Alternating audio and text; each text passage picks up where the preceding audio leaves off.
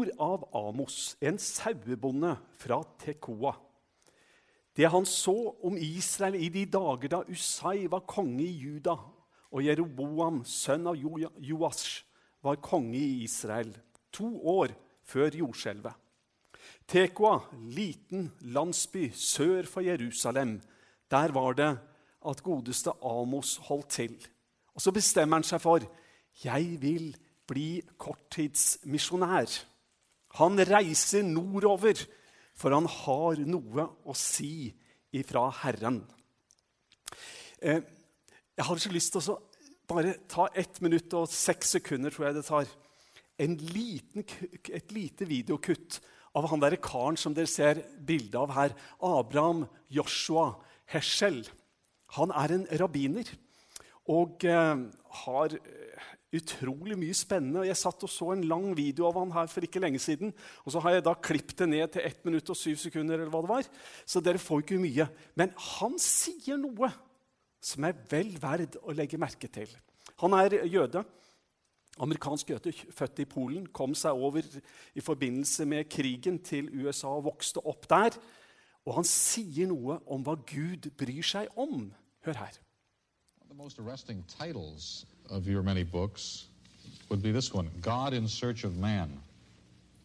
Is God in search of man? That's a paradox. In fact, if God would consult me, I would tell him. D- does he? He doesn't. He's too wise to consult me. I would say, why do you care about man? The biggest message of the Bible of the prophets of Israel is that God takes men seriously. I will keep the human species alive. I'm waiting. Maybe someday there will be a righteous generation. And throughout history, seen by the Bible, there's one disappointment for God after another, and He's still waiting, waiting, waiting for mankind which will live by justice and compassion. He's in search of men. He's interested about widows and orphans in Jerusalem. My Lord, if you were to ask me, I would say beneath your dignity. You, God of the universe, should be concerned about the poor, about the disadvantaged. Yes, he is. Man is very important. Hva er det denne rabbineren snakker om? Nå var det jo engelsk, da, så det var ikke alle av oss som fikk det med oss kanskje like lett. Men, men han hadde noe å formidle. Og, og, han sier at hvis Gud hadde spurt meg til råds, og så får han jo spørsmålet men gjør han det da, så smiler han og så sier han jo at nei, nei Gud er nok altfor vis til å trenge å spørre meg om hjelp, for at jeg skal fortelle han hva han skal gjøre. Men så beskriver han en Gud som venter og venter og venter. Og så beskriver han en Gud som bryr seg om enkene i Jerusalem. Det var det uttrykket han brukte. Altså en Gud som bryr seg om, om de fattige fattige, om enker, om farløse og disse uttrykkene som vi møter igjen og igjen i Bibelen. Han beskriver en Gud som faktisk bryr seg. Og det er akkurat det som var budskapet hos han derre sauebonden Amos, som reiser sør for Jerusalem og oppover til Samaria. Og bare veldig kjapt for at du skal få noen knagger til å henge dette her på. Hvis vi sier at David bygde Jerusalem rundt år 1000, 960 så kommer Salom og bygger tempelet. I år 930 så ser vi at landet deles i to. Det er etter Salmos død, og det er en dramatisk hendelse for Israels historie. Du får Nordriket, som består av de ti stammene. og Så får du Sørriket, som består av de to, Juda og Benjamins stamme. Og hvordan dette da varer fra ca. 930 til resten av historien til, til Nordriket nærmest forsvinner bort til det når de blir ført i fangenskap og, og, kommer aldri mer tilbake igjen, så regner vi med at det er rester tilbake igjen. Og hvordan Nordriket kalles Israel og Sørriket for Juda. Ok, Amos står fram rundt år 750 for å begynne å profetere. Og han var korttidsmisjonær. Han reiser opp til Nordriket og så ser vi hvordan i år 720 eller 722 så, så faller Nordriket. Og i 586 så faller Sørriket.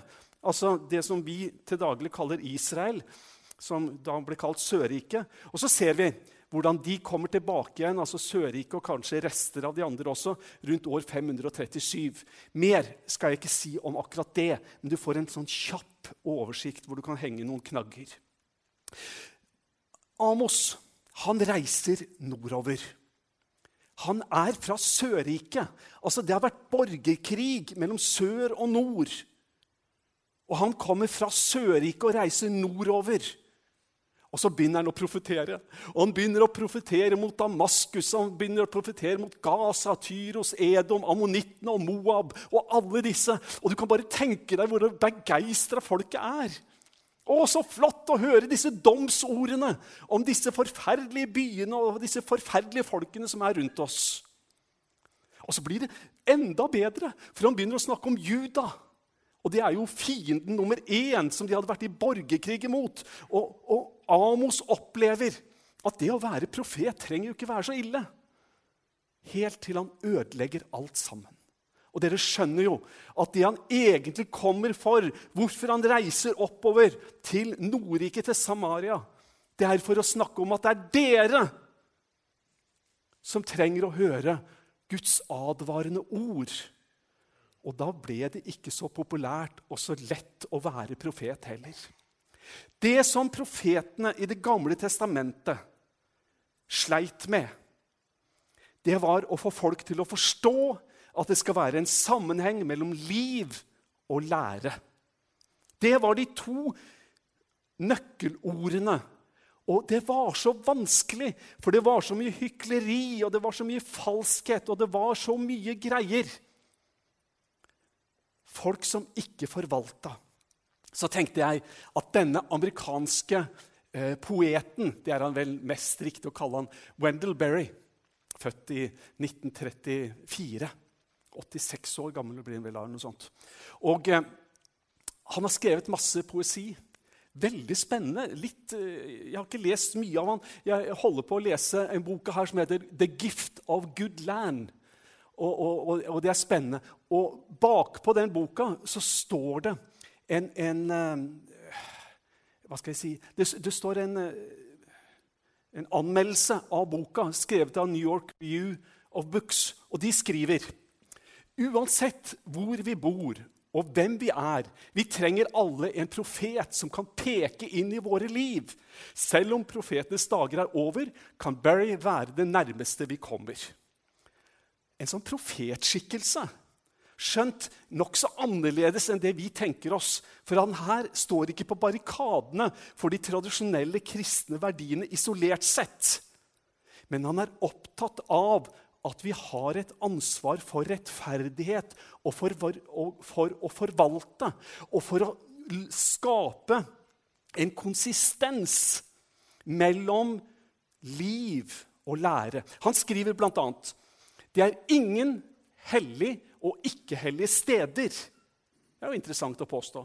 Bare hellige eller vanhelligede steder. Min tro er at våre liv og vår verden er gaver avhengig av hverandre. Og så bruker han alt sin tid og oppmerksomhet på å prøve å få oss folk til å forstå at hvis vi begynner å tenke at det er hellig, men det er ikke hellig, så blir det så fort gjort at vi tenker at vi skal være annerledes i enkelte situasjoner. Og så kan vi være helt annerledes når vi går inn i det det verslige. Så han sier alt er hellig. Det eneste som ikke er hellig, er det som er blitt vanhelliget. Altså det som synd og ugudelighet har ødelagt. Det er klart at det er ikke hellig i denne sammenhengen. Men bortsett fra det, det er en hellig plass, det er en hellig skapning. Vi har et hellig forvalteransvar. Det er ikke nok å gi bare søndag formiddag og så beholde resten sjøl. Det er ikke nok å gi 10% og beholde resten sjøl. Han taler om at vi skal leve helt, hele vårt liv for Gud. En profetskikkelse? Ja, mulig. Og hvis vi går 2750 år tilbake igjen, så er vi tilbake til denne profeten som vi begynte å snakke om, Amos. Han er der, og han reiser nordover. Og eh, han skulle forkynne og tale om hva Gud ikke liker. Og dere, hvis jeg får lov til å fortelle Jeg tror det må være en vits, men, men, det skal være en sann historie fra virkeligheten. Jeg trodde slett ikke at det var sant inntil jeg hørte vedkommende som sier 'Jeg vet hvem som satt i bussen', og som fortalte dette, så, så jeg tror faktisk det er en sann historie. Men uansett, dette er en buss fra Israel. Det er en reisegruppe som er der nede. De går om bord i bussene, og det var litt slitsomt, og det var travelt, og det var mye folk. Og det var både unge og eldre. Og så er det en gammel dame. Og hun har holdt det gående nå i flere dager og begynner å nå virkelig nivået før det renner over. Og disse ungdommene de har masse energi og tuller og tøyser og ler og prater, og nivå, støynivået er høyt. Og så renner det over. Så reiser hun seg opp i bussen og så sier hun, 'Så sier Herren.' Nå orker jeg ikke mer av dette hvis ikke dere slutter. Og så setter hun seg ned igjen. Og det er klart det var en hilsen fra Herren, sånn som hun opplevde det. i hvert fall. Og så kan vi jo vurdere litt grann eh, hvor høy grad av inspirasjon det var.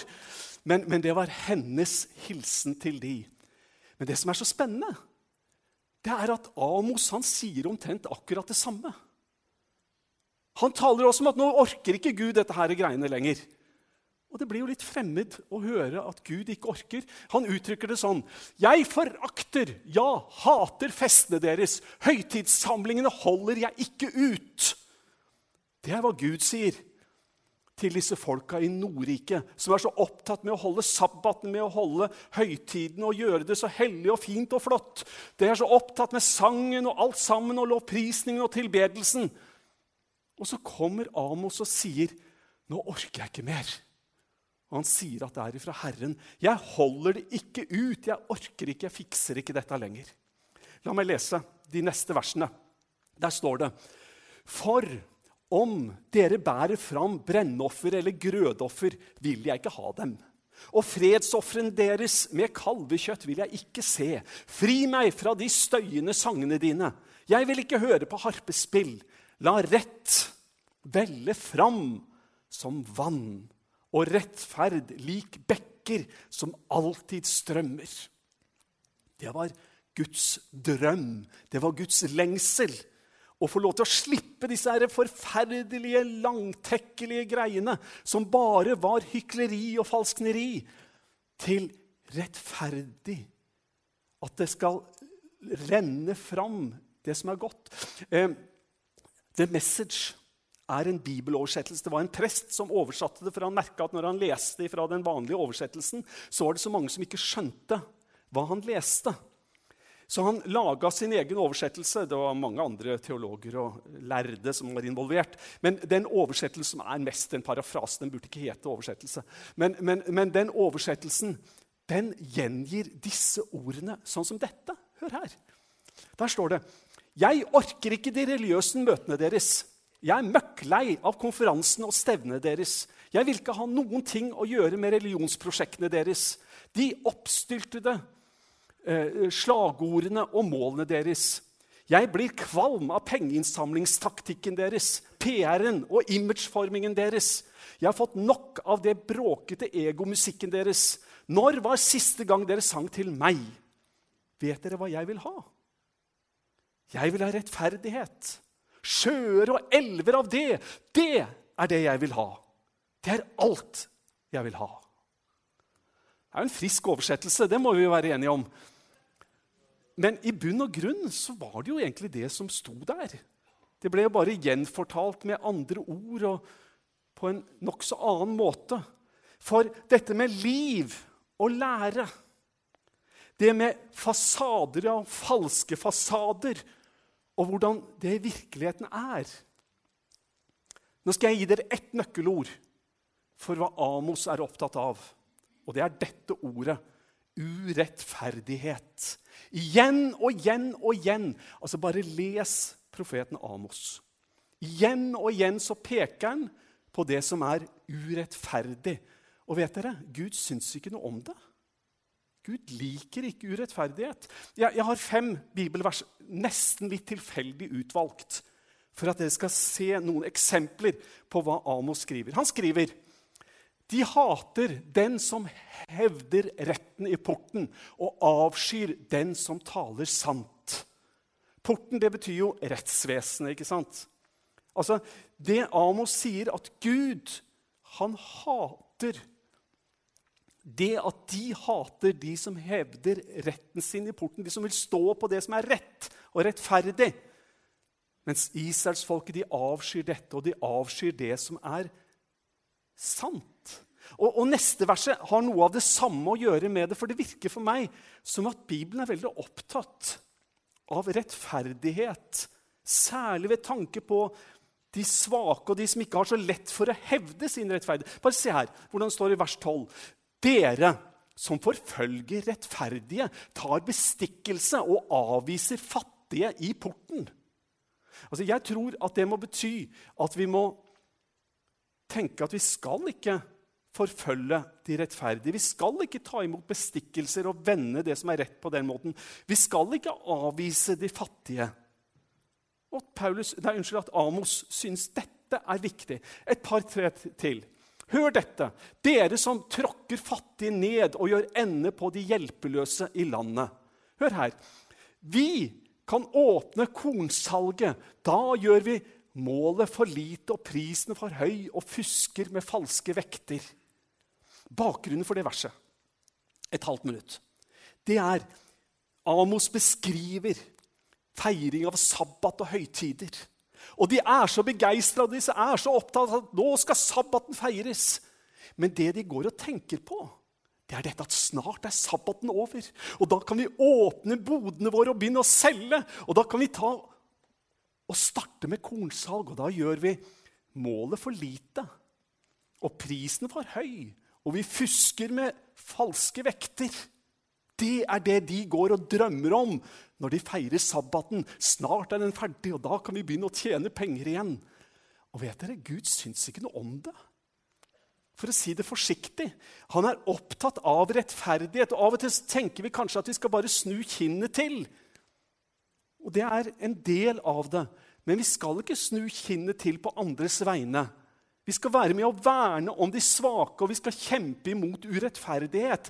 Og evangeliet, budskapet fra Gud, det er at det er noe som er rett, og det er noe som er galt. Du, et litt søkt bilde, men jeg husker det. Det var 1975. Jeg var på Bislett og så VM i skøyter. Og jeg skulle kjøpe meg, jeg husker navnet på sjokoladen, og den er enda å få kjøpt. Sportslunsj. Nesten som en Kvikk Lunsj. En slags kjeks. Ja, jeg ser noen nikker gjenkjennelig. Sportslunsj, en kjekssjokolade. Og jeg, jeg, jeg, var jo der hele dagen, og det blir jo kaldt og man blir sulten. Og alt dette her. Eh, og så kjøpte jeg den først én gang, og så kjøpte jeg den en annen. Og disse folka som gikk der og solgte på Bislett med sine kurver med sjokolade, og alt dette her den gangen, de skulle jo ha penger, de òg, og de hadde sikkert en eh, fortjeneste av salget. Men han andre, han tok overpris. Om det kosta fem kroner, så sa han åtte. Og jeg protesterte. Men, men, men, det var fem kroner den kosta. Og nei da, det er åtte kroner den koster. Og så betalte jeg åtte kroner. Og den følelsen en psykiater eller psykolog kunne sikkert ha hjulpet meg. Men, men, men den følelsen av å bli behandla på den måten Det var ikke bare de tre kronene han stjal, men følelsen av å bli tråkka på og dinet altså Det er en ugrei følelse for en 14-åring. Det er noe med å behandle mennesker. Og sånn gjennomførte israelsfolket måten å behandle svake og de som ikke klarte å stå opp for sine rettigheter, de ble tråkka ned. Sånn som det står her. Da kjøper vi småkorsfolk for penger, en fattig for et par sandaler, og selger avfallskorn. Det er det de gjør. Ok, jeg skal ikke ta flere eh, sitater, men det er situasjonen når profeten kommer opp og han begynner å profetere, og han setter tingene eh, tydelig fram, setter lys inn på det. Og så kommer han Så lar han de få lov til å forstå at eh, Gud har en tanke og Gud har en plan. Det er ikke under Guds verdighet å bry seg om enkene i Jerusalem. Det er ikke under Guds verdighet å ta seg av de små som ikke selv klarer å stå opp for sine rettigheter. Men så kommer det noe i kapittel 9. Og Det er jo sånn med profetene at selv hvor direkte de er, så er det ofte at de har en tanke om gjenopprettelse, og de har et trøstens budskap. Se her. Der skriver eh, profeten For meg, israelitter, er dere som kusjittene, sier Herren. Jeg førte Israel opp fra Egypt, men også filisterne fra Kaftor og armeerne fra Kir. Hadde, at Gud hadde brydd seg om filisterne og armeerne. At ikke Gud bare hadde brydd seg om israelsfolket som han førte ut fra Egypten. Dere, i dag er det 108 dager til jul. Og da skal vi synge 'Lang tid tilbake hendte det', som i Bibelen blir fortalt. En gutt ble født i Betlehem, og Jesus ble hans navn. Lytt til englers glade sang. Hør hva de har å si. Og hva er det står der? Frelse til hvert menneske kom han for å gi. Dette synger vi igjen og igjen. Vi proklamerer det ut, og det er det Amos kommer med som en trøst. Når, når vi leste for meg, israelitter, er dere som kushittene, sier Herren. Jeg førte Israels opp fra Egypt, men også filisteren og fra eh, Kaftor og arameerne fra Kir. Det sier han. Altså, de var utvalgt. Ikke at det var bare et privilegium, men de var utvalgt for en hensikt. Jeg skal lese litt videre fra vers 11 og 12. Bare se disse to versene. Den dagen reiser jeg opp igjen Davids falne hytte. Revnene murer jeg igjen, og det som ligger i grus, gjenreiser jeg. Jeg bygger det som i de gamle dager, så de kan ta resten av Edom i eie og alle andre folkeslagene som navnet mitt er nevnt over, sier Herren, som gjør dette. Jeg har ikke tid til å gå inn på det, men dette er et komplisert bibelvers ser vi her at Amos bare sier at det, det kommer en gang da dere skal reises opp igjen, og da skal dere kunne begynne å herske over de omliggende nasjoner, sånn som tidligere, for makta rår. Du, det er ikke det som er utleggelsen av dette bibelstedet. Men det er så interessant å legge merke til at når man kommer til apostelens gjerning, kapittel 15 så er det apostelmøte i Jerusalem. Først er det Peter som står fram. Han hadde jo fortalt om det, han som begynte. Og så kommer Barnabas og Saulus, eller Paulus. da. Og til slutt står Jakob fram. Og Jakob han siterer på dette her superviktige apostelmøtet. Så siterer Jakob, eller eh, Jesu halvbror, pastoren i Jerusalem, han siterer fra Amos. Det verset vi akkurat leste. Vi får den apostoliske fortolkningen av hva dette betyr. For han sier Deretter vil jeg komme tilbake og gjenreise Davids falne hytte.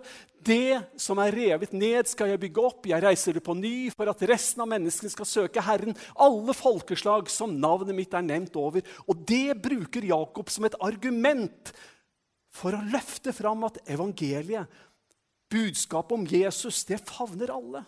Det er ikke bare for en liten gruppe, det er ikke bare for en nasjon, det er ikke for en etnisk gruppe, men det er for alle sammen like fullt.